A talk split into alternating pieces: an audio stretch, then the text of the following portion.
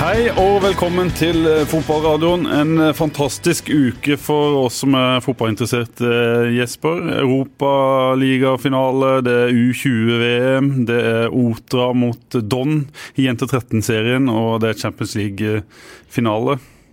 Vanvittig, vanvittig gøy å være interessert i fotball. Ja, det må være tungt for de som eh, ikke er det. Driver og snakker om eh, kunstsilo, valg, sjamaner, prinsesser. Altså, Kan du tenke deg noe så kjedelig i forhold? Nå får vi altså servert den ene godbiten etter den andre. Ja, i kveld er det Europaligafinale, men det er jo på lørdag det virkelig kommer til å smelle. Europaligaen har vært ei fin turnering, og det har Uefa gjort en god jobb med, men det er jo ei B-lagsturnering. Det er Arsenal, det er Chelsea, men på lørdag Tottenham-Liverpool. Den kampen skal vi snakke mye om i dag. Ja. Og så skal vi også snakke en del om Start. For på søndag da kommer selveste Tom Jeg glemte Nordli på besøk. Ja, Den er men, sikkert eh, viktigst for mange av de som hører på. Ja, vi må også. Vi må innom den også. Og I den anledning har vi fått eh, på plass to meget sterke gjester. De er nesten på nivå med Liverpool og Tottenham. De har et toppnivå som er helt der oppe med Liverpool, men de sliter litt med stabiliteten. Ja, jeg, jeg tenkte før før sending at jeg tror vi har de to største spisstalentene fra Sørlandet født på slutten av 80-tallet i dag. Det kan vi jo snakke litt om, om etterpå. Du er den ene Jesper, den andre gjesten enn den andre. Ja, Du kan presentere dem. Ja, det sa Lars eh, Christian Thorsen, en legende fra Øya. Han har vært minst like mye skada som meg. En eh, hedersmann med et eh, voldsomt temperament på banen, mens han er en veldig hyggelig kar utafor banen. Litt lik som meg sjøl også der. Han er da ønska i denne podkasten flere ganger, men han lever et hektisk liv. Nå fikk han det til å passe. Hjertelig velkommen, Lars Christian. Takk for det. Du er skada? Ja. ja, selvfølgelig er Lars Christian skada. Hva er det nå du sliter med? Nei, det er det samme. Det, det er det samme som jeg hadde da jeg var 15 år, som ikke har gitt seg. Og nå er du blitt Nå er jeg 30. Så du har det i 15 år. Ja. Ja. Vi Hva- hva er problemet- hva er også. problemet? Ja, men altså, Han andre sitter jo bare og venter. Vi skal komme Ja, tilbake ja, ja. til Men han er jo veldig glad i å snakke, så han må også få taletid i denne podkasten. Og det er en kar som eh, har vært nå et par uker i Norge, og så glad i å være litt lenger syd i Europa. Jarle Bøllestad! Velkommen. Tusen takk. Du er stor Liverpool-fan, Ja, det har jeg vært siden 77, da jeg fikk eh, Keegan-drakta nummer syv. ikke sant? Det må vi si om, om Jarle det, Han ligner på Klopp. Ja, han ligner på Klopp, og det, han er blitt eh, eh, tatt for å være Klopp. Men han spådde òg serie, serie, Eliteserien i fjor og sa Start rykker ned. Han var den eneste som, som eh, sa det. Du fikk rett, eh, Jarle. Ja, og det overrasker meg at det ikke var flere som så det komme, for jeg skrev det allerede i februar.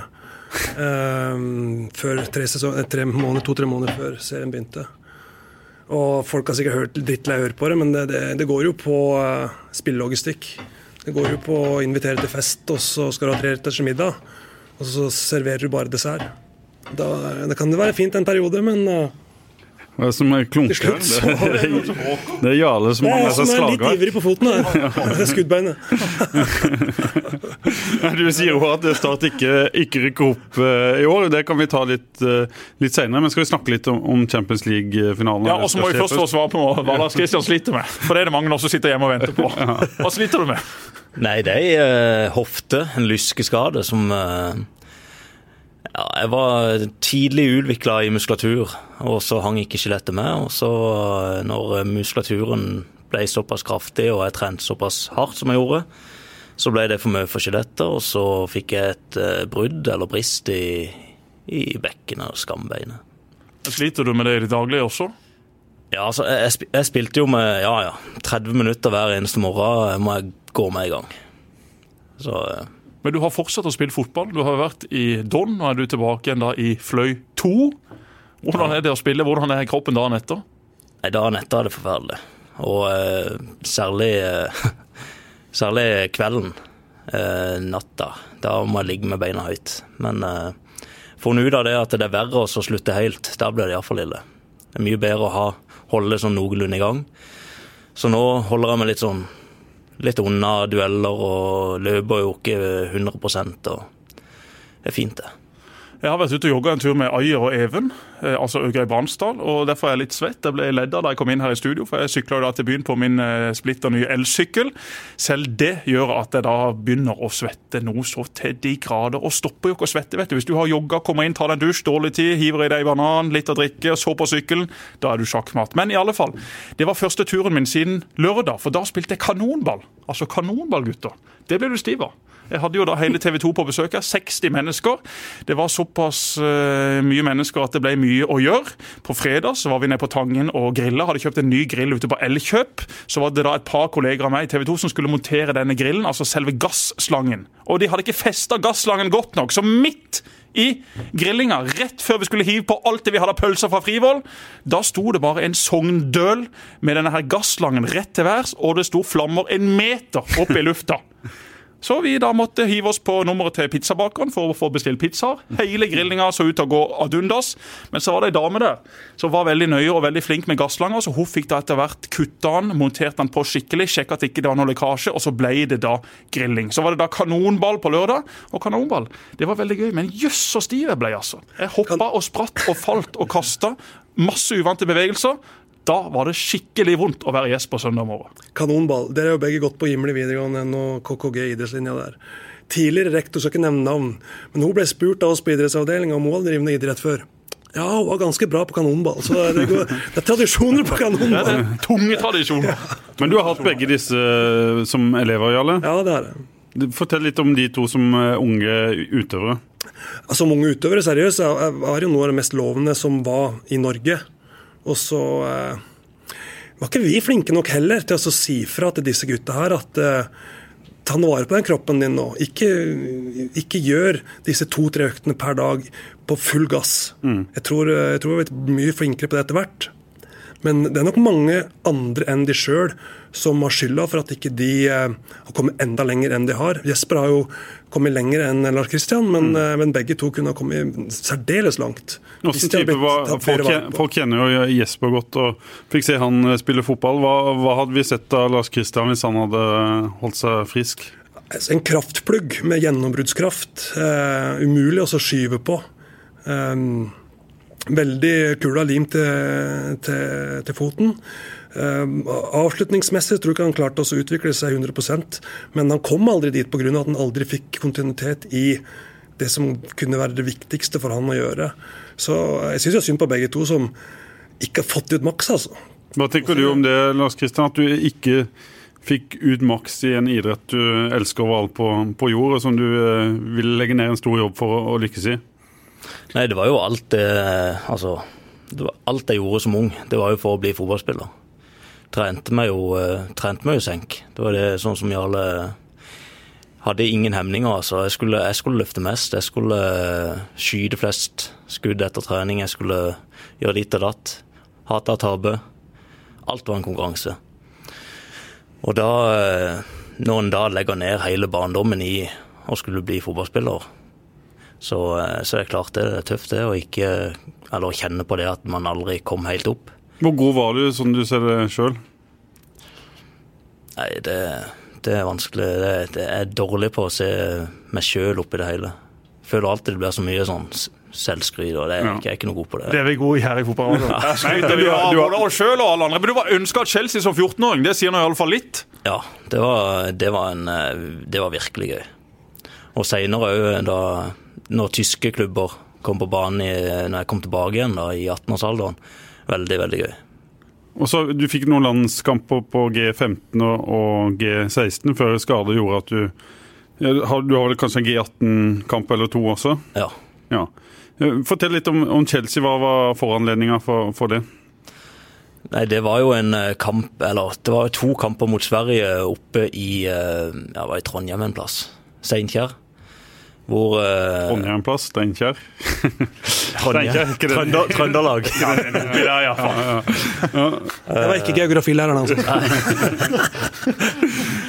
Han var ute og trente. Nei, men, på Gimle, vet du. Kunne ha 150 dager fravær mm. da vitnemålet skulle ut. To. Veldig greit. La til rette. La til rette. Vi spilte landskamper mot Sverige? Ja. Og der hadde noen vanvittig gode kamper. Jeg vet ikke om de hadde sett meg noe i forhånd. eh, Det regner jeg med de har. De har eh, godt nettverk. Og jeg hadde det for vane om å prestere når jeg skulle prestere. I de virkelig de viktige kampene, da, i, både fra krets og sone og, og videre oppover. Så det var Nå kom det bare noen henter deg etter kampen og sa hei, vi er fra Chelsea, eller var det eh, jeg fikk, et, jeg fikk en mail av de. Av tidligere United-styreformann. Hva han er en heder igjen? Han som gikk til Chelsea. Det, det vet vel du? Nei, det vet jeg ikke. Jeg er dårlig på styreformenn, altså. Um, Fikk du brev hjem på øya, liksom? Ja. Fant de frem helt dit? ja, Gjennom tunnelen og opp og ut? gjorde det. Sterkt. Og de ringte jo uh, eh, halvannet år etterpå og lurte på når jeg kom ned. Så Nei, jeg, jeg skal aldri hit ennå. du sendte ikke brev tilbake, eller? Ja, de, jeg, jeg regner med Fløy sendte tilbake. Jeg har aldri hatt noen agent som har styrt noen ting for meg, så jeg har bare latt det være opp til, til Terje Markussen og Arnt Edgar Tellefsen, som var treneren min, og de håndterte det greit. Men du endte også karrieren til en tresteghopper? Ja, for det er jo bare vas. altså, historien sier så. Ja, ja. Hva, hva sier historien, da? Kan du ta den? Selv om det var vas. Ja, historien er jo at vi skulle ha tresteg som en del av friidretten på Gimle.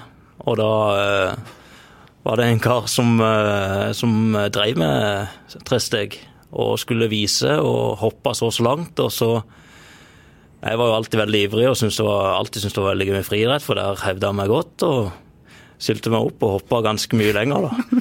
Så det var jo Og det var ikke lenge etterpå, så slutta jo han, da. Men, nei, det var gøy, det. Men hvorfor sier du bare det var? Det er jo sant. Ja, jo, jo, men eh, fotballspillere Altså, fotballspillere her på Sørlandet, det regner jeg med de største talentene. Hadde vært de største talentene i, i, ja, i de fleste idretter. Og Selvfølgelig. da Ja, du er veldig enig i det. Ja, ja, men det er jo Altså, det er jo ingen som vraker fotball hvis du kan bli god i fotball. Nei, det- Det klart, nei vet du hva, jeg skal begynne i håndballet håndball. jeg. Jeg kunne blitt eh, Premier League-proff, men jeg tror jeg faktisk skal velge å reise til tysk Bundesliga for å spille der. Glem det. Finnes ikke ett menneske på denne jord som har det sånn. Ikke ett! Alle går for fotball. Erlend er Segberg var veldig nær. De Erlend Segerberg han var veldig nær til å velge håndball. ja, men var han veldig nær Premier League? Eh, Nei, det har vi, men snakk om å velge den ene sporten foran den andre. Det er bare et innskudd. Ja, ja, innskudd ja, bisetning, er det det man kaller det. Nå, snak, nå snakker jeg om de aller råeste. De som eh, kan selv. gå helt til topps. Da går du selvfølgelig for fotball. Selv Trond P valgte fotball. Var like god i håndball. Men. Oppgjørene mot Vindbjart, vi må ta litt om de også. For du har jo vært i Fløy i en årrekke. Der det var eh, ganske mange eh, tøffe hatoppgjør. Og i de oppgjørene der, da gikk det ofte i svart. Om de gjorde, ja? Ja. Å, herlig land. Ja, jeg har eh, Det er faktisk en To ganger i, mot Vindbjart så har, det, har jeg nesten ikke huska noe av ei hel omgang. Det har vært helt, helt vekke. Hva har stått i huet på deg da? Nei, det er, det er kun å vinne ball og slått fra seg ball etter hvert som man kommer litt inn i det, men Nei, det er helt ekstremt. Ja, hva var det du mislikte som en Vindbjart? Nei, vi bygde opp et slags, et slags rivalisering der som var, jeg vil jo si, unik her nede. For det, jeg har ikke opplevd det fra noen andre klubber. Og det var eh, oss Steinar Skeie fyrte det godt opp, men òg mange av spillerne de hadde. Som eh, vi, vi hogga på hverandre hele veien gjennom kampene. Og, ja, Dani han- er jo en god kamerat, så det er ikke Men eh, han løper jo rett ned hjemme på øya. For jeg tok fart fra, Det var sikkert 50 meters løp fra spiss og ned i hjørnet med cornerflagget hvor han sto. Jeg var så irritert på at ikke de bare tok han. Han sto der og hold, han kan jo holde på ballen der i fem-ti minutter, han. Han kan det. Og da løp jeg bare 50 meters løp, og så bare meide han rett i bakken. Men var Steinar Skeie liksom Var han mest eh, irriterende? Ja. Jeg hadde ikke mye over- til overs for han, altså.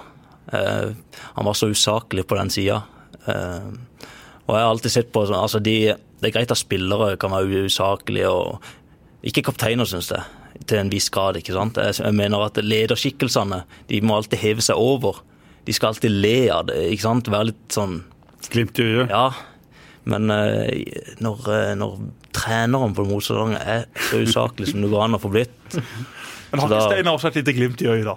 Nei, ikke det. Ikke, ikke det. Jeg eh, vil tro han òg gikk i svart av og til der, altså. Det, Men hvem var verst å, å, å, spille mot for deg? Eller hvem var det du slang mest dritt til, og hvem slang mest dritt tilbake? Uh, den absolutt verste å møte var Tor Christian Strand. Uh, han, var, han, var, knallhard, altså. Og han var god òg i den tida. Midtstopper som var i, i junioravdelinga til start, og, og senere i Vindbart. Han er vel Torridøl, kanskje? Ja, han var, han var tøffing, han. Ja, han var knallhard. Og så hadde du Håvard Karlsen der, som var smart. Han hadde glimt i øyet, da. Han var, han var fin. Men eh, Tor Christian var, han kunne være ufin, altså. Det... Men dette er den vinnermentaliteten vi, vi savner nå i, flere lag, kanskje også hos Start. Altså, Alle skal inn i ei ramme, alle skal passe så godt inn. Og så er det ingen som skal få lov til å være noe utover seg sjøl. F.eks. stakkars sønn til Erik Thorstvedt, som måtte beklage at han hadde klikka litt etter at eh, U20-landslaget eh, ble pissa på av New Zealand. Altså. Ja, det, er jo... det må jo være lov å si at laget ditt er ræva når du blir rundspilt av New Zealand i U20-VM. Du har liksom reist dit og hatt et faktisk håp om å gjøre det veldig veldig bra, og så vinner New Zealand. Fullt fortjent. Ja, det nytter jo ikke. Det henger jo ikke på greip. Disse gutta her hadde jo håpa på å komme til finalen. Det er jo ikke sagt det ut, men de skulle ned og lage kaos sant? med sett. Ja, og De har jo et lag med en haug av folk som tror at de er King Kong. Ja. Og det er kjempebra. Nei, det er litt av problemet at de skal ned der og så ser de Det blir snakka så mye om at dette er et utstillingsvindu, og ikke som du sier, Jarl, det er ikke blitt snakka om å vinne eller måten å, å, vinne på. Mens alle får spørsmål om utstillingsvindu og antall agenter på tribunen og sånne ting. Det, har det tatt fokus på det viktigste her? Det kan jo se litt sånn ut, synes jeg. Også de taktiske valgene som Paco har gjort som trener, har vært uh, veldig veldig svake. Både med tanke på laguttak, bytter, formasjon. Jeg må jo spørre meg der jeg sitter i sofaen, hvor forberedt har dere vært på de lagene jeg møter? Mm. Når vi snakker om formasjon, styrker, svakheter, spillere. Et voldsomt fysisk New Zealand-lag som egentlig maltrakterte svake, fysisk svake norske spillere. Ja, Det bør være mulig å sette opp det norske laget på en annen måte. Og så skal vi ikke bruke masse tid på å komme med hvordan det da eventuelt skulle bli satt opp, men det finnes en del gode spillere der i det laget altså, som ikke har fått ut noe som helst i disse kampene. Også et par av de som har sittet på benken mye, som har herja i Eliteserien nå. Hvorfor blir ikke de brukt når de da er formspillere, har masse selvtillit, har skåra mål, målgivende pasninger? F.eks. Christian Thorsvedt. Ok, han er ikke verdens beste unggutt, men det han har levert for Viking, og den selvtilliten han har, og den typen han er, og med den fysikken han har, selvfølgelig skulle han spilt mye mer. Og Da må han få lov å si det etter kampen, uten at far Erik og noen fra forbundet skal komme og rive han i nakken og si hei, nå må du ut og beklage det. Da er det ikke en ekte beklagelse, da. Hvis faren og NFF har kommet til han og sagt du, det der må du beklage. Vi må jo ha sånne typer. er det, så farlig? Og han Paco, men Paco er jo kjent for å være bra på forberedelser. Det er, det er noe av styrkene hans å analysere motstanderne. Så det er veldig overraskende hvis ikke det er på plass i et, i et VM. Uh, eh, en annen ting det er jo kvaliteten på Du nevner Torstvedt som en markant person i Viking i norsk eliteserie. Men når jeg nå for første gang på lenge ser uh, Braut Haaland som ikke er i nærheten av noen ting på et U20-VM-nivå, mm. herja jo for Molde i fjor. Ja. Så hva er nivået på Eliteserien da, kanskje? Mm. Kanskje man stikker fingeren i jorda der? Jeg vet ikke. Jo, jeg er helt enig med helt enig med. Og Vi ser også Lagerbäck ta ut sine tropper. Det er Meling og Hansen. Utenom det så er det egentlig ikke interessant med spillere fra Eliteserien. Eikrem, Oi, hvem som helst. De er liksom langt bak i rekka. De er ikke i nærheten av å bli tatt ut i en tropp. Og det er jo Lagerbäcks klare uttalelse om at Eliteserien, det gidder jeg nesten ikke reise rundt og se på. Altså, for mm. det er et nivå som ikke egentlig kan ta seriøst. Og Det er jo litt trist, og jeg syns at eh, NFF burde gitt Lagerbäck beskjed om at du kan ikke si eller uttale eller liksom forkynne det. Du må faktisk snakke Eliteserien opp til å være noe mer enn det det faktisk er. For det er jo mm. faktisk forbundets side. Og så skal du skape interesse blant folk og eh, sponsorer hvis du har en landslagssjef som ikke tar Eliteserien seriøst. Det kan godt være at han ikke gjør det, men du kan liksom ikke uttale på den måten. Og så syns jeg at det bør være rom for å kunne ta med en formspiller eller to i disse her troppene, kontra et par spillere som sitter lengst nede i fryseboksen ute i Europa. For hjemme mot Romania, borte mot Færøyene, det skal være seks poeng uansett. altså. Hvis ikke så er denne her kvaliken over, så er det bare å flytte fokus mot Nations League i mars 2020. Hvor godt følger du med på norsk fotball, Lars Kristian? Det er ikke så veldig mye, altså. Jeg, jeg følger veldig mye med på Fløy. og og de lokale lagene her. Fjerdedivisjon syns jeg er veldig gøy. Veldig mye lokalt. Og jeg syns det er mange gode fotballspillere der.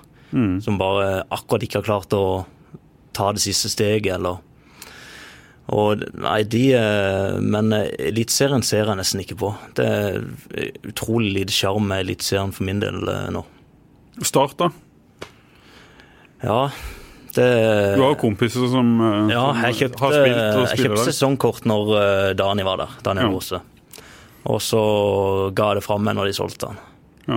Og da var det Du mener han burde spilt? At det ikke Ja. er plass til han? eh, Det liker ikke du? Det ble jo veldig feil at jeg skal stå her og Nei, nei, her kan du si hva akkurat hva du vil. Akkurat hva du vil. Jeg syns jo det er veldig spesielt at de lar en som er så viktig altså i garderoben, eh, i, altså for klubben utad, inn mot sponsor og alt, og så bare la han gå til Jerv, som jeg skal være konkurrent. Det, det forstår jeg ingenting av. Og så Da var det egentlig nok for min del. Vi, vi, kan, vi kan snakke litt om Her gikk de svart igjen. vi kan, snakke, kasta sesongkortet sitt. vi, vi kan snakke litt om Start før vi går inn om, om Champions League. Kamp til søndag. Jarle, du spådde jo som, som sagt dette med, med Starts eh, store nedtur veldig tidlig i fjor. Hvorfor gjorde du det? For det var jo ingen, ingen balanse i laget. Det var ingen eh, Jeg kunne ikke se en vinnerskalle der. Og jeg kunne se noen ballflyttere som mista ballen i farlige posisjoner hele tida. Det, det var umulig å se for seg at dette laget ikke skulle mislykkes. At de, at de faktisk rykka ned, kan være litt tilfeldig. Men at dette laget skulle hause oss som et topp fire-lag, var sjanseløst.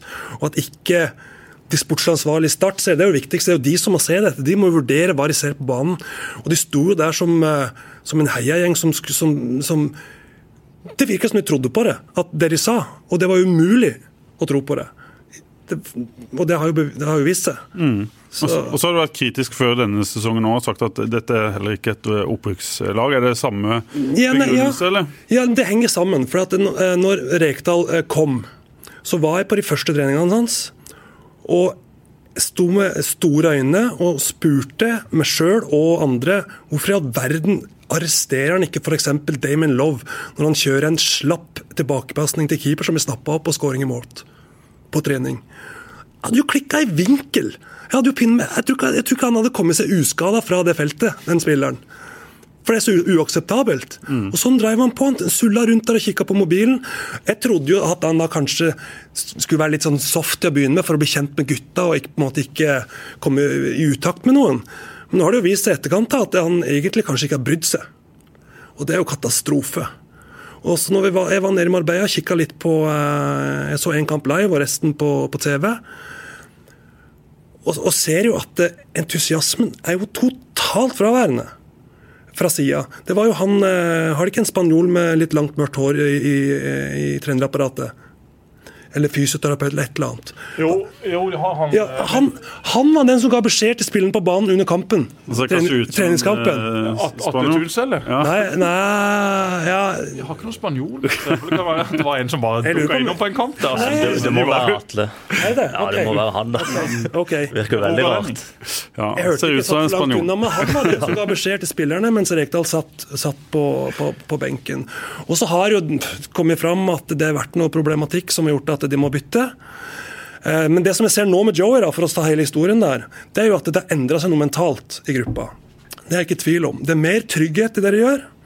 Eh, De er bedre på enkelte ting, men fortsatt forsvarsmessig så er det sjanseløst. De kommer til å kunne klare seg greit i, eh, i Obos. De vil få en kvalikplass, med mindre Sandefjord snubler. Og de har, de har snubla litt hele tida. De har har vært heldige. Ålesund de har stikket. De har vært heldige i Ålesund nå, da. Ja, men samtidig de har vært heldige på et tidspunkt som, i en fase hvor de har spilt seg gode. Så de er gode nå, og de vil bare fortsette å dure på. Kanskje de får en knekk en eller annen, for det har de jo gjort før, men eh, at det blir opprykk Ok, La oss si det blir opprykk, da. Enten direkte eller kvalik. Så rykker de ned igjen. Ja, Men de øver jo ikke på å sette Forsvaret. Altså, Da snakker de elleve som er på banen, ikke de fire bak. Det er så mye eh, rom mellom ledda, det er så mye rom mellom spillerne i ledda, at de som er gode på å spille litt klikk-klakk, og hele Norge skal jo spille tikki taka nå. Så Det er jo det du møter. Og Da er du nødt til å tette rom og ha det som førstepri. Det er litt sånn som når Jesper ikke sant, når han skal kjøpe seg en ny bolig, har nettopp gjort. Så kunne han velge ok, jeg har en tomt, jeg skal bygge fra bunnen da. Ja, da, Hvilken type entreprenør må han ha da? Jo, Han må ha noen som kan ta, komme med gravemaskina og så grave opp ting og så, og så mure fra bunnen. da.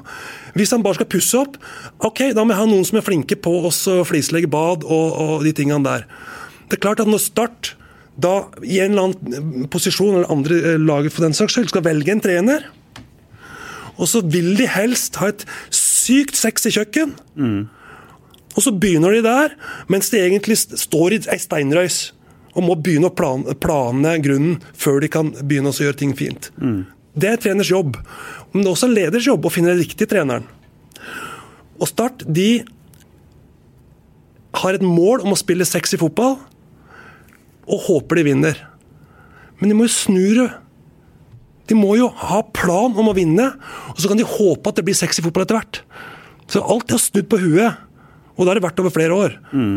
Og Inntil de skjønner det, at de må begynne, begynne på scratch. Få på plass plantegninger.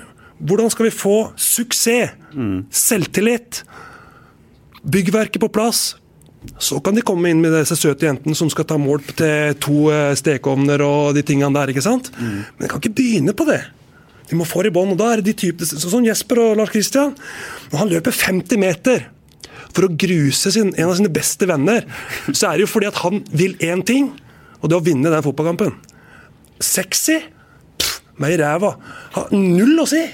Men Savner du de typene som du sjøl eh, var, Lars Kristian? Ja. Det merka vi veldig på slutten av karrieren i, i Fløy for A-laget. rett før både meg og Peder, eh, Lars Kristian Pedersen og eh, Bjarte Rikardsen ga oss. De var vel de tre siste som var igjen der. Uh, Men er det noe med samfunnet, er det noe med de som vokser opp, uh, typene som kommer ja, Jeg, jeg syns Jarl har vært inne på det her med det at alle skal passe inn i det samme greiene. Det, de her typene er der ikke lenger. Du har den derre Han forsvarsspilleren som er, ja, Han er ikke så spesielt god med ballen, men han ofrer 100% hver eneste gang for å ikke slippe inn den, den er jo nesten vekke. Jeg husker òg sjøl at jeg har vært med å fase ut noen av de spillerne der, noe jeg angrer på. Med at eh, jeg har prata ned de mm. i gruppa. For det at eh, vi hadde kanskje to virkelig gode midtstoppere altså sånn, som var og trente med oss. Men som var for dårlig med ball. Og det var frustrasjon fordi at vi hadde mye possession. Vi hadde en trener da som var veldig opptatt av det. Og de sleit med å henge med. Men i en fire mot fire Eh, hvor de bare skulle forsvare mål, ta opp sin egen mann, spille fra seg ball til en som var bedre. De var jo helt fantastiske. Mm. Men så passa det ikke inn i hvordan vi spilte eh, ellers. da. Men det er... De typene der, de savner jeg. På samme måte på topp. Spisser som kan skåre mål. Hvor er de henne? Jeg har jo spilt med mange. Jeg har spilt med Ivar Sigurdsen, Fredrik Henriksen, Totto Dalum. Jeg eh, føler meg gammel her nå. Men eh, eh, Christian Andreassen fra Danmark Jeg så jo at disse her de skårer jo 20-30 mål i løpet av en sesong. Jeg kan ta grovarbeidet, så skårer de. Mm. Ikke sant? Det var jo sånn det var. Må, ja, På det nivået, ja. Ja, på det nivået. De skårer jo ikke lenger opp. Totto gjorde men, jo, Toto, ja. men Fredrik William skårer jo ikke lenger opp. Nei, han skårer ikke på samme måte lenger nei, opp. Nei. Øyvind Gausdal hamrer jo inn mål i andredivisjon og tredjedivisjon. Gausdal hadde gjort det, det mener jeg, i Start i den tida, hvis han hadde fått en real sjanse. Ja, det, det, gjør det. Det, det vet jeg at du er uenig i, men Det eh, går litt for seint. Litt, litt, for lite kvaliteter på en del felt, som gjør at når du da kommer opp og møter litt bedre spillere, det går litt raskere, litt smartere, så faller man gjennom. Og Det mener jeg, da, som trente med han i seks måneder, så han på trening og har spilt mot han mange ganger, har egentlig aldri vært noe stort problem å møte han, fordi at han ja, jeg ser han i andre divisjon. Han kan være fantastisk god, spesielt i Vindbjart, da de var på sitt beste. Når Daniel chippa på bakerste, så visste du at her er det vondt hvis du hopper opp i duell.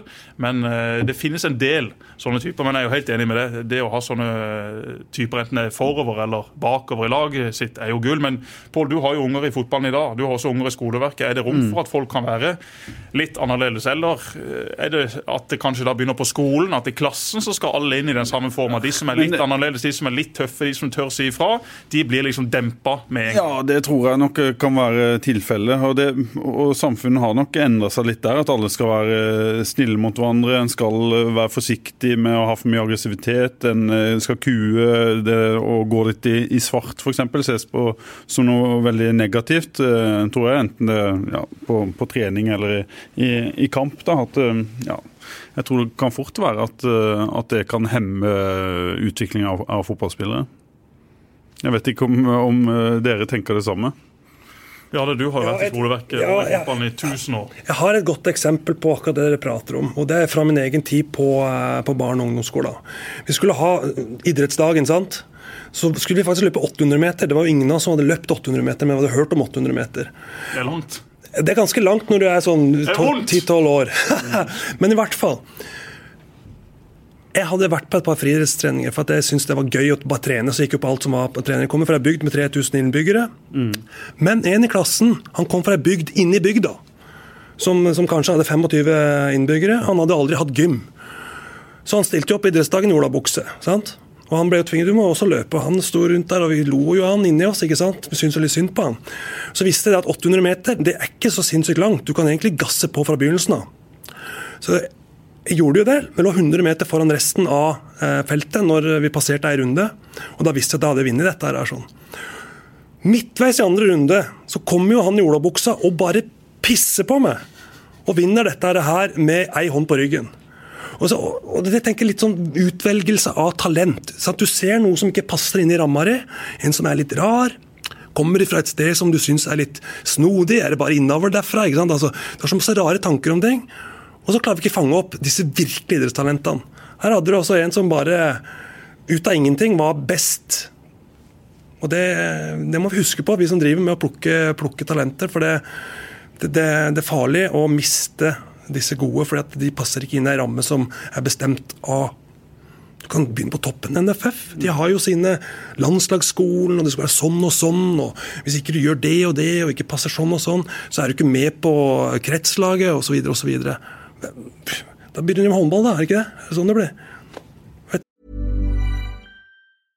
Ryan Reynolds here from Mint Mobile. With the price of just about everything going up during inflation, we thought we'd bring our prices down. So to help us, we brought in a reverse auctioneer, which is apparently a thing. Mint Mobile unlimited premium wireless. Ready to get 30, 30, bit to get 30, bit to get 20, 20, 20, bit to get 20, 20, bit to get 15, 15, 15, 15 just 15 bucks a month. So, Give it a try at mintmobile.com/switch. slash $45 up front for 3 months plus taxes and fees. Promo rate for new customers for limited time. Unlimited more than 40 gigabytes per month slows. Full terms at mintmobile.com. Hva ville du gjort hvis du eh, styrte Start, eh, Lars Kristian? Hvis jeg styrte Start? Nei, det har jeg ikke Jeg har ikke noe formening om. Trener, hadde du ikke det? Nei, det hadde jeg ikke gjort. Nei, du, det har jeg ikke noe svar på, altså. Ehm, jeg syns det gjøres mye bra reparasjon nå. Eh, etter det her eh, Du har jo hatt Joey som, eh, som trener sjøl. Hva, mm. hva, tror du om han? Ja, han Joey er utrolig glad i Joey. Han er en pedagog Eh, han tar nok vare på, på alle spillerne i den troppen. Eh, mye bedre enn de foregående trenerne har gjort. Får en se Jeg syns jo de ser bedre ut nå, men Nei, det sier Joey, Joey, har jo ikke noe, for de som sier Joey er for snill. Altså Du har hatt han som trener i garderoben. Hvordan er han inne i garderoben? Joey kan klikke, han òg. Det er ikke I svart? Ja, ja. Uff Vi og Joey jeg vil si vi er ja, nære bekjente. Eh, og vi hadde mange tøffe diskusjoner. Han er, han er standhaftig når han virkelig føler at han må. Altså. Det, da, og det har jeg fått føle på trening. Så det er ikke Jeg tror jeg er langt ifra redd for at han skal være for snill. Langt ifra. Hva skal til da, Jarle, for at de klarer det mot uh, alle odds, som du sier? Som jeg sa innledningsvis, så, under Joey så ser Start mye bedre ut. Det ser mye tryggere ut. Det ser mye mer eh, komfortable ut med hverandre. Jeg syns de taktiske grepene som Joey har gjort, ser veldig bra ut. Eh, men jeg mener jo fortsatt, men dette går litt på filosofi også, og tilnærming til fotball. Jeg mener jo at du er nødt til å begynne med å sørge for å ikke slippe inn mål. Eh, jeg tror dessverre, og det, det sier han jo også direkte i intervjuer med, med dere PV-en, at de satser på sitt eget spill, og de skal, de skal dominere og styre. De vant mot, mot Jerv. De tapte sjansestatistikken til pause, lå under 1,60 sjanser, og til mm. slutt 5-10 sjanser. Jerv burde, sånn fair score i den kampen hadde vært 1,1, 2,2 mm. Jerv sin favør. Men, men, snart vinner, og er selvfølgelig heldige. Og det er for dårlig. Hvis du skal være eliteserielag, hvis det er liksom lista du skal legge deg på, må du begynne nå. Å spille som en eliteserielag nå. Og så får du gi beng i å underholde, eller prøve å underholde. Bare sørge for å holde nullen. Og Hvis ikke du er god nok til å skåre etter 90 minutter mot et uh, Obos-ligalag, da har du ingenting i Eliteserien å gjøre. Så enkelt er det. Og Da er du forberedt på det som kommer i Eliteserien. Men det er ikke bare Start som er for naive der. Det er jo, hele Fotball-Norge er jo der. Fotball-Norge er jo up for grabs i mitt hode. De som går inn med litt av det som er kjedelig fotball, da. Mm. Går inn der og bygger derfor. Ja, det var kanskje ekstremt kjedelig, men de spilte kvalik mot Kongsvinger for å rykke opp til Eliteserien. Mm. Og var jo et langhåra hårsbredd fra å lykkes. Mm. Kjelsås. Eh, for de som kjenner historien fra, fra slutten av 90-tallet. Var det ikke litt det Brann gjorde, da? Spille fotball på denne måten. Da de tok uh, medaljer de siste, de siste årene. Jeg, bare, det, jeg, jeg, har ikke analysert Brann godt nok til å si noe fornuftig om det. Hvis du skal plukke ut ett lag i Eliteserien som har for så vidt hatt suksess med å spille på den måten ok, De har i alle fall bygd seg opp bakfra, slapp nesten ikke til sjanser, slapp nesten ikke inn mål første halvdel av siste sesong. Og så ble det litt mer åpent etter at Helten Nilsen dro til Danmark, og de fikk litt skader og bytta litt på laget. Ja. Men det var iallfall måten Lars Arne Nilsen tok de opp fra Obos. Men de, de har, husk at de har to Jesper Mathisen som stoppere, sant? som bare ser den mannen, hvis jeg taper den duellen så er han død. Hvis jeg vinner duellen og han dør samtidig, så har jeg gjort en god jobb. Det er den holdninga han der Koss øh, Han som var jo i Start, ikke sant. Mm. Og en, en, av en massevis av startspillere som ikke burde ha dratt. Men de har en vinnerskalle på de riktige posisjonene.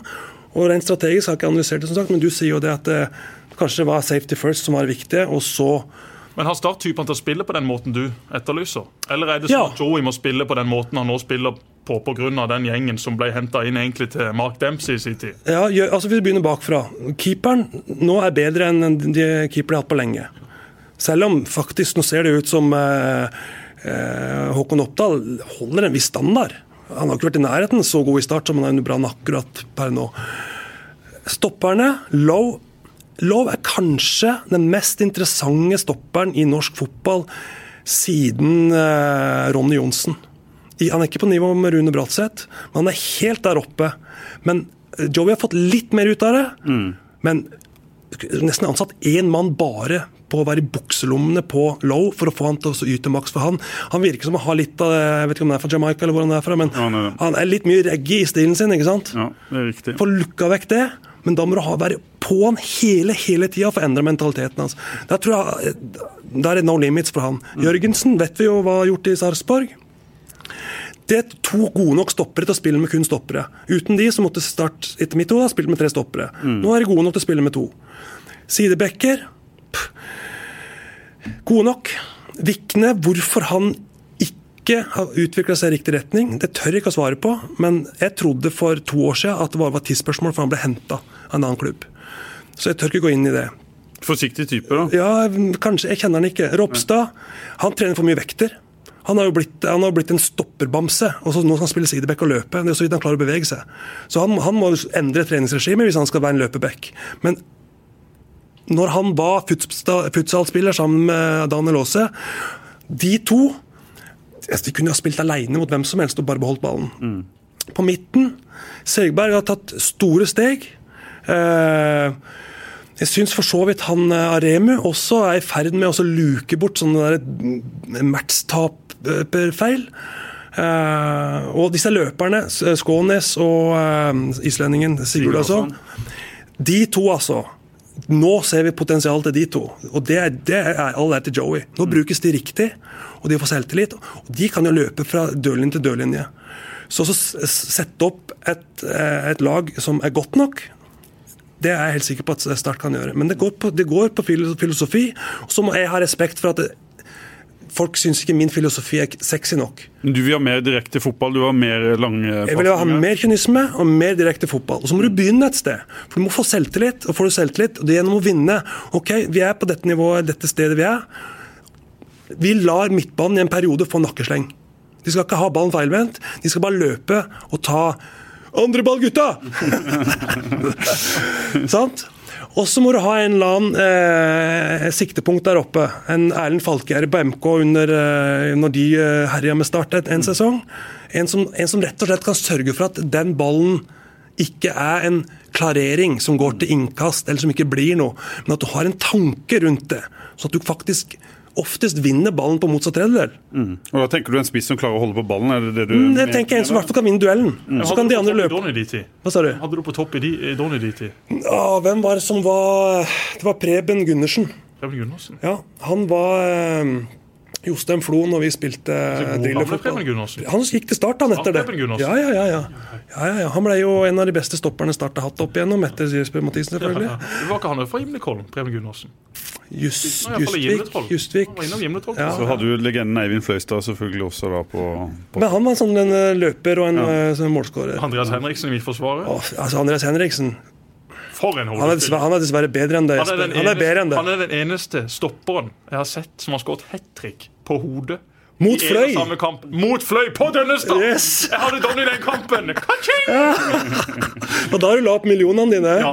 Men han var god, altså på hodet. Ja, ja, ja. Altså Han var god til å spille. Beina, men, men, altså, en så god hodespiller på offensiv dødball Jeg, jeg er 98 og veide over 100 kg og jeg spilte stopper eller spiss eller hva jeg spilte i alle år. Men jeg skåra nesten aldri på offensiv dødball, for jeg hadde bare ikke det i huet mitt. Men Henriksen han ble truffet uansett. Bare som en sjiraff. Han var god, og så øvde vi på det. Ja, det tror jeg. Det er noe med å ha en filosofi og så øve på det du er bra på. Ikke øve på det du er dårlig på for at du skal bli som passer litt på alt. Glem det. Spisskompetanse. Tenk, om Rune, tenk om Rune Hægeland hadde vært i bra fysisk form. Tenk om oh, han hadde veid 20 kg mindre. Tenk deg at han på topp! Hadde jeg vært starttrener start i dag, så hadde jeg sett, sett han på en sånn et rodekurs. Ja. Så hadde han spilt hele høstsesongen og bare vært eh... Bare innhopper. Siste tid. Siste tid. Oh, Hægeland fylte forresten 36 år her om dagen. Jeg må gratulere så mye for alle oss i fotballen. Jeg var hjemme hos han, fikk servert nydelig grillmat av Ola og Reidun. Det var helt på det aller, aller greieste. Da er er det gassen i orden, i hvert fall. Ja, det er det gassen i Det trenger du ikke lure på. Thorsen, på lørdag er det jo Champions League-finale. Og du har dratt i gang et arrangement sammen med vår gode venn Lars Martin Engedal. Ja, og sammen med flere. Ehm, siden 2013 eh, så har vi hatt et arrangement ute på øya som heter Fløymila. Hvor vi da løper rundt hele øya og eh, og ja, måler tidene. Ser hvem som er raskest rundt øya. Det er jo fra gammelt av, vet du, fra noe sånn Fløydagene hvor, eh, hvor de skulle kåre de sterkeste og de raskeste. Vi har jo hatt Det er jo eh, godt over 100 som har løpt. Så har vi hatt eh, Det er litt vanskelig å telle seg, for vi en, en, ting er de vi har på listene med tiår, men så har vi en hel haug som ønsker å gå for Stine Sofies stiftelse. Ja. Og da går jo da pengene til Stine Sofie-stiftelsen. Dette er jo noe vi eh, brenner, brenner, for, og vi har nå i eh, tre, tre år fått gitt eh, rundt 50 60 70 000 til stiftelsen da, hvert år.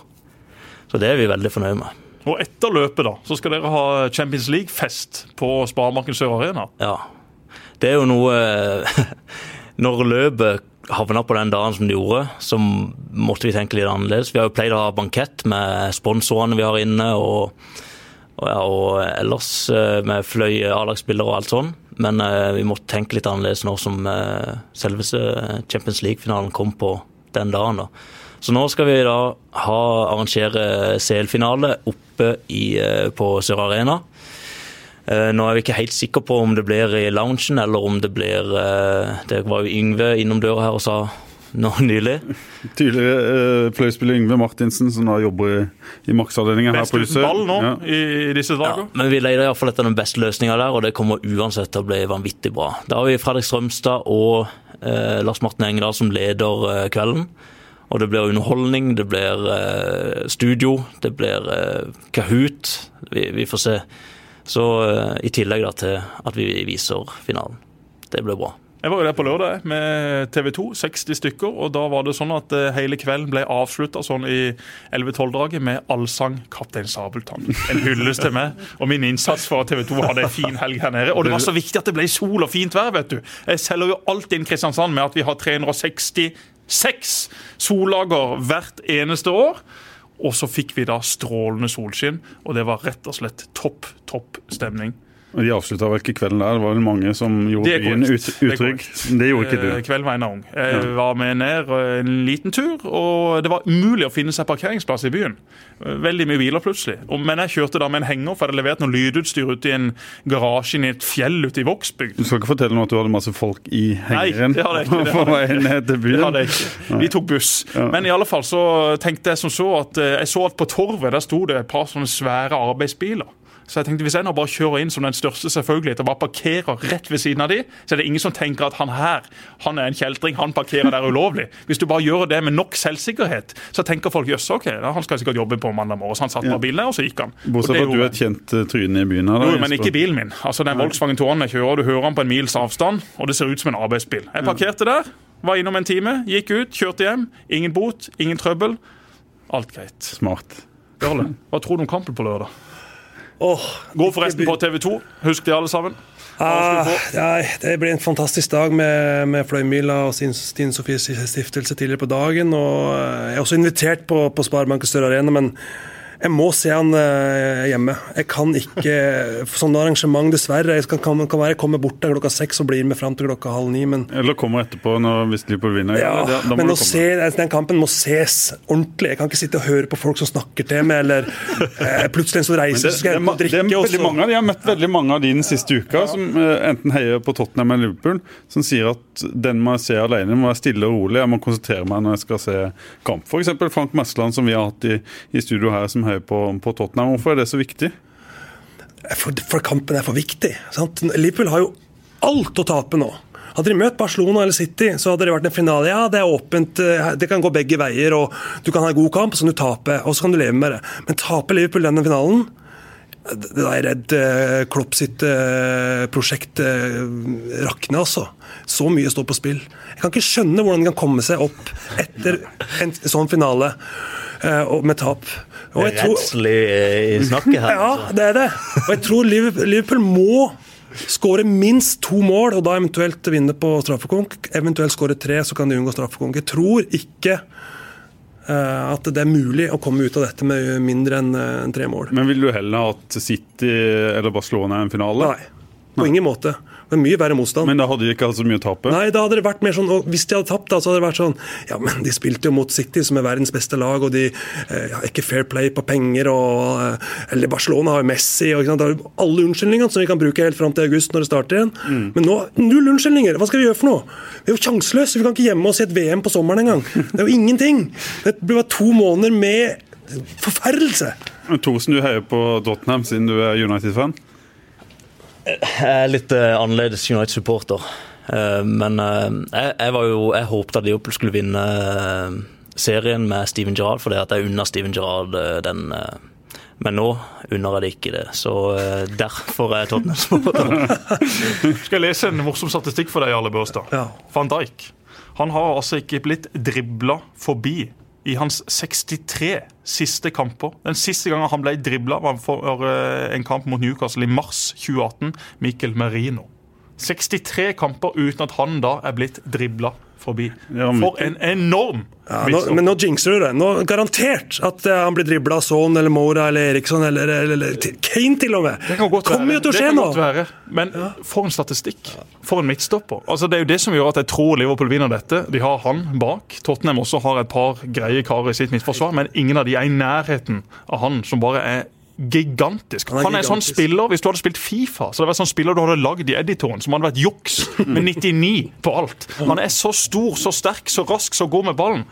Han hadde hoppa ass. sykt langt i tresteg òg. Han hadde slått selveste Lars Christian Thorsen.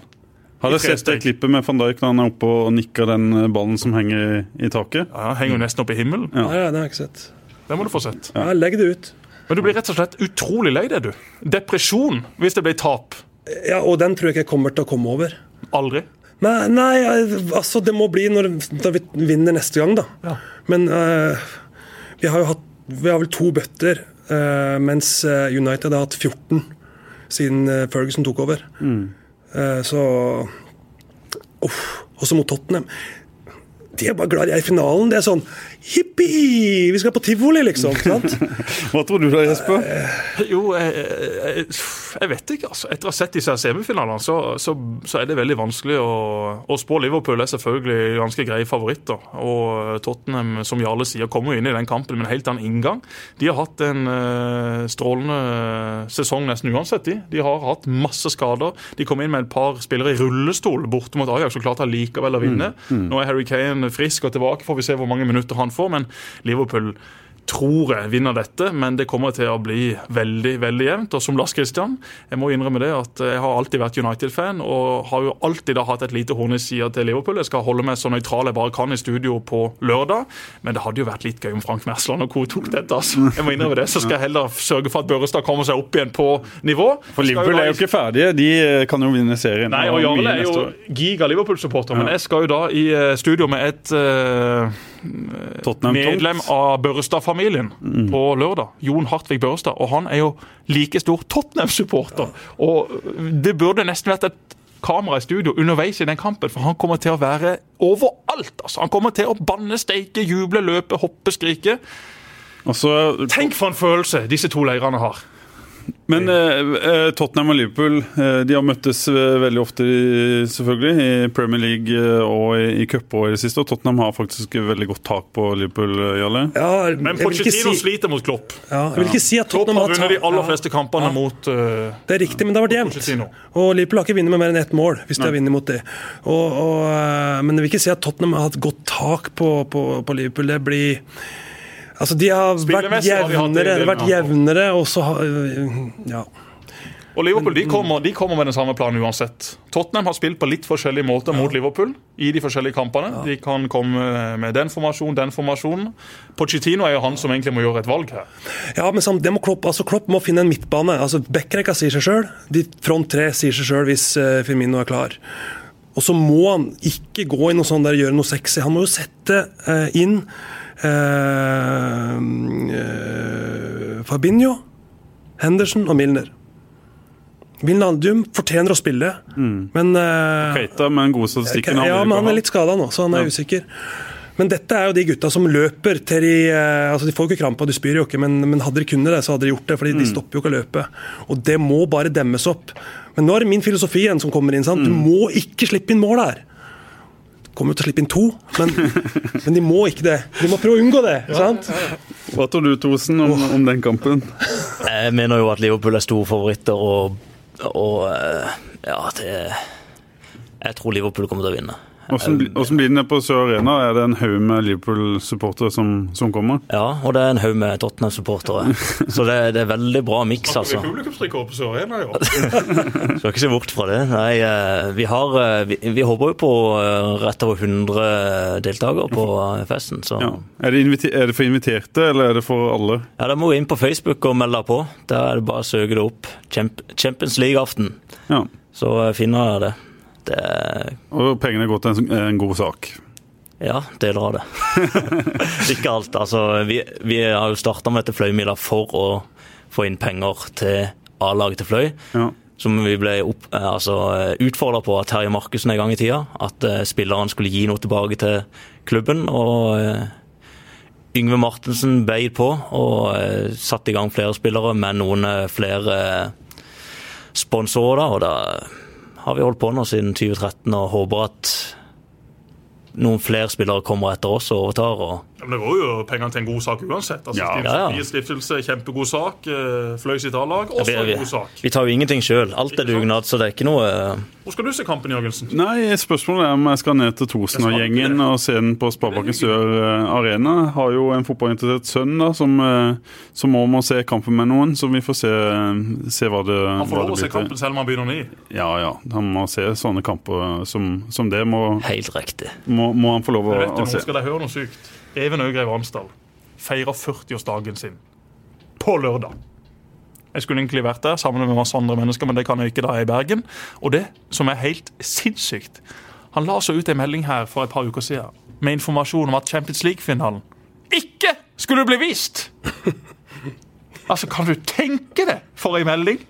Her er det altså tidenes kamp for Liverpool og Tottenham-supportere, i alle fall i nyere tid. Og så skal ikke kampen bli vist! Han ville heller at folk skulle danse og snakke og ha det gøy. Ja, men det trenger ikke gå på bekostning av noe. Hvis du har en liten skjerm stående på med en finale Det er ikke sånn at folk bare setter seg ned pal i to ganger 45 og stirrer. Men det kan jo være greit å få med seg denne. Nå blir det jo heller sånn at Raymond Larsen og Roy Emanuelsen, som da er toastmastere, kommer til å dele ut en iPad til alle gjestene som kommer. Så kan folk bare ha den under bordet og følge med på hva som skjer. Må jo få med seg dette i Børstad. Du hadde ikke kommet med et 40-årslag hvis ikke kampen ble vist på lørdag. Nei, Jeg hadde tatt det og gått ned på torvet, henta bilen din med hengeren, Ja. kjøpt den største skjermen, kjørt den rett ut der og bare fått den montert. Og så får bare eh, skjenka han nok til at han ikke bryr seg når klokka er ni. Det går jo ikke an. Nei, det går ikke an. Nei, det går Under ikke an. enhver kritikk. Ja, under enhver kritikk. Det er skuffende. Fryktelig gøy. Fløy, de gjør det bra. Fløy er bra. De er, jeg vil si de er det klart beste laget i divisjonen, og jeg tror de kommer til å rykke rett opp igjen. Så er det bare å håpe at de er gode nok til å holde seg igjen, da, men eh, jeg føler det skillet mellom tredje og andre divisjon er blitt ganske stort. Eh, Men eh, ja det, Hvem er det som er de viktigste brikkene for Fløy i 2019? eh, Henrik Andersen eh, Lokal gutt. ja, eh, har jo vært fast nå over lengre tid. Er han fortsatt tenåring, eller er han passert eh, 20? Ja, nå- er en Martin Ødegaard har vært Ja. 15-16 år i 100 år. Ja, men han har jo Han har, må jo ha Han har mange kamper for Fløyen. Han har vært fast i tre-fire år. Ja. Og jeg, han har bikka 20 nå, vil jeg tro. Um, Trond tror han er 21. ja. Og så har de eh, De har en god keeper. De har eh, to solide stoppere. Hvem er keeper? Han heter Ante Knesovic. Han har vært på starttrening eh, denne uka, var på starttrening i stad, og der fikk jeg høre at godeste Ante Knesovic har imponert voldsomt på, i Bryne. på han starttrening. Ja. Jo, han har spilt i Bryne og vært i Kongsvinger. Ja. Prater litt norsk og eh, veldig ålreit kar, altså. Gigant, altså. Hun, hun Så har du Jørgen Rikardsen, da, som eh, han ble jo skada, men eh, Sønn av Paul. som er en, eh, en spiller som i hvert fall tar tredjedivisjonsnivå på Nei, Han eh, debuterte jo sammen, eller spilte sammen eh, som unge. Han er jo ett år eldre. Som, eh, og nei, han Det er jo en, en gutt med de riktige verdiene, og han er viktig i den gruppa. Og har jo spilt altså cupfinale. Det er jo, Må ikke glemme det oppi det hele. Og spilte på Island nå, før han kom tilbake Ja, til Da var vi jo litt skuffa at han gikk til Island for å skrave ut de siste kronene der, men eh, Nei, eh, Og så videre så har de jo et vanvittig angrep. De har, altså, jeg kan jo ramse opp, de har Dardan Dreshaj som skårer 20 mål hver eneste sesong. Du har eh, Lasse Sigurdsen, du har eh, Magnus Ask Mikkelsen. Altså Hadde du hatt han i form Han kan så vidt løpe lenger, men eh, jeg så han eh, nå sist mot eh, De spilte mot Arendal 2. Eh, Fløy 2 mot Arendal 2. For noen mål! Herlig land, altså. Først yttersida høyre. Dro seg inn fra venstre, yttersida høyre i hjørnet. Og så den andre et innlegg fra, altså fra eh, 50 meter helt skrått ut på sida, som løftes i bakrom. Han kommer fra venstre, og som er yttersida venstre på halsbretten. Helt nydelig curla i lengste hjørne. For en avslutter, altså. Og Henrik Dalum må du kanskje Og Henrik Dahlum han er- han, han trukket litt mer ned på midtbanen. Ja. Han er blitt en eh, Han har vært òg en del skada nå. Han må komme seg i form. Blitt litt for tung. Men eh, absolutt, absolutt hadde jo Altså, hadde han vært eh, ordentlig fit nå, så hadde han vært fast på det laget der. Ja, det så vi jo. Vi har jo sett det når de har spilt mot eh, lag fra høyere divisjoner, f.eks. cupen, at noen av de som har spilt på høyt nivå, de, de tar det nivået. F.eks. Henrik, som var veldig god eh, mot eh, Start i fjor, og eh, mot eh, Odd året før, var det Ja, og Sandnes Ulf og ja. Ja, altså, jeg har jo sagt det før at jeg ikke skjønner hvorfor ikke han eh, eh, blir plukka opp, i hvert fall få nye utfordringer over en lengre periode. Han har vært på diverse prøvespill, men eh, han, får ikke den, han får ikke prøvd seg nok over en lengre periode. Nå har han vært stabil siden han var 16-17 år i Fløy. Vært stabil, god hele veien, og alltid vært en av, en av de yngre spillerne som de eldre spillerne liker å spille med, for han har fotballforståelsen. Men må han ikke ha den indre driven? Er det ikke det det også handler om? Absolutt, men eh, han, eh, det regner jeg med han har, bare. Sånn som jeg kjenner han, så Det er klart det mod, han modnes for hvert år, men eh, jeg vil eh, regne med han har det. Hvem i lokalfotballen, du som ser mye lokalfotball, hvilke spennende sp unge spillere finnes rundt omkring som vi kan få nytte av, enten for, for Start eller Jerv eller andre toppklubber? Har du noen navn? Ja, André Rikstad i Fløy. Uh, han uh, Litt sånn Eden Hazard i, i måten han spiller på. Uh, umulig altså, å møte Nå er jo ikke jeg noen forsvarsspiller, men jeg liker ikke at folk går forbi meg og drar de som regel ned, i så fall. Men da, da Han fikk jeg ikke tak i, altså. Hvor gammel er han cirka? Er ikke han 19, da? 1920. Kan godt være eldre. Men han, han syns det er spennende. Um, vanskelig å plukke ut. Vindbjart? Er det noen på Vindbjart som jeg har, ikke sett for mye til det. fremtid? Nei, ikke som jeg går i svart hver gang han kommer til Vennesla. Han får ikke med seg noen ting. Setter seg i bilen. Jøss, hva er det jeg holder på med her oppe? Husker altså null! Men hvor er de unge spillerne, Jesper? Hvor er de som uh, banker på døra? Er det de unge talentene i Start vi må, må vente på? Eftervåg, Lien? Jeg vil jo tro at de råeste er i Start. Hvis ikke så har iallfall ikke Start gjort en god nok jobb. Jeg føler at Start nå har et, eh, om ikke perfekt samarbeid med alle, så har de i alle fall et eh, mye bedre samarbeid enn de til tider har hatt. Og jeg tror de har en god oversikt. Nå har de Atle Roar Haaland inne, som har vært i kretsen i mange år. Det er flere gamle starter som er i kretsen og som jobber ut mot klubbene. Jeg vil tro da at eh, det blir tatt hånd om at de, de råeste i alle fall får muligheten til å komme mm. inn i Start. Og i Starts U-avdeling nå så er det jo veldig mange flinke folk. Så hadde jeg vært ung, så hadde jeg iallfall ikke vært tvil om hva jeg hadde valgt. Og så er det til syvende og sist opp til spilleren sjøl. Nå er det jo eh, et Start 2-lag som igjen leverer litt sånn variable prestasjoner. Og eh, et par gutter da som eh, er med på diverse landslag. Men jeg skulle gjerne sett enda flere, enda råere. Jeg er ikke så opptatt av at vi må ha mange, jeg er mest opptatt av at vi må ha de Toppene. råeste enerne. Ja, som mm. virkelig kan brekke gjennom på A-lagsnivå så fort som mulig. Vi har jo en eh, som jeg må nevne, Christian Lien på, på Start 2, eh, som har skåra et par-tre mål i, i tredjedivisjon. Spiller mest høyrekant, men bøtter inn mål på selv om han er 17 på G19 eh, i nasjonalserien. Veldig veldig spennende spiller. Er han, på, er han på landslag? Ja, Han kommer vel helt sikkert på, på ja. landslag nå, etter disse prestasjonene, vil jeg tro. Uten at jeg kjenner hvordan det står til. Jeg kjenner heller ikke godt nok til disse. Lien har jeg sett i en del kamper og har absolutt en del spennende ting, men er jo ikke i nærheten av å være sånn wow. Altså Det er jo liksom ikke det råeste av det råeste du har sett på, på, lang tid. Det er de jeg gjerne skulle sett. Jeg håper og tror at de vil komme om ikke altfor lang tid. Det er Start selvfølgelig veldig tjent med, for det trengs i den klubben. Både for å skape engasjement, for å skape tro, for å skape noen fremtidsutsikter som er ganske mye lysere enn det de har vært uh, i en del perioder de siste årene. Jarle Børrestad hadde jo da eh, meg og Magnus eh, Mikkelsen på avslutningstrening på gamle stadion, og det var tider. Vi hadde alltid sånn et åttetall, husker du det? Mm. Der det var liksom fire posisjoner, to uh, stasjoner hvor du da slo innlegg ut, og så var det bare å hamre løs på volley. Tidlig ned på dette her fryktelige kunstgresset ned på gamle Kristiansand stadion. Det var fryktelig da, og det er enda mer fryktelig nå at ikke det er satt av penger til å bytte ut kunstgressmatter. Lag noe skikkelig forhold så ikke beina til meg og Thorsen og alle andre bare blir ødelagt fordi at vi skal være ute og være fysisk aktive. Mm. Dette har vi snakka om før, men jeg kan ikke fatte og begripe. Nå er det vel snart valg i denne her kommunen vår. Da må vi stille de til veggs, altså.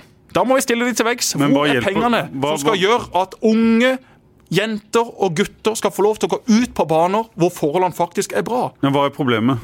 Problemet på sånne baner det er at de er ujevne, de er harde, de er slitte. Du ødelegger knær, ankler, hofter, rygg.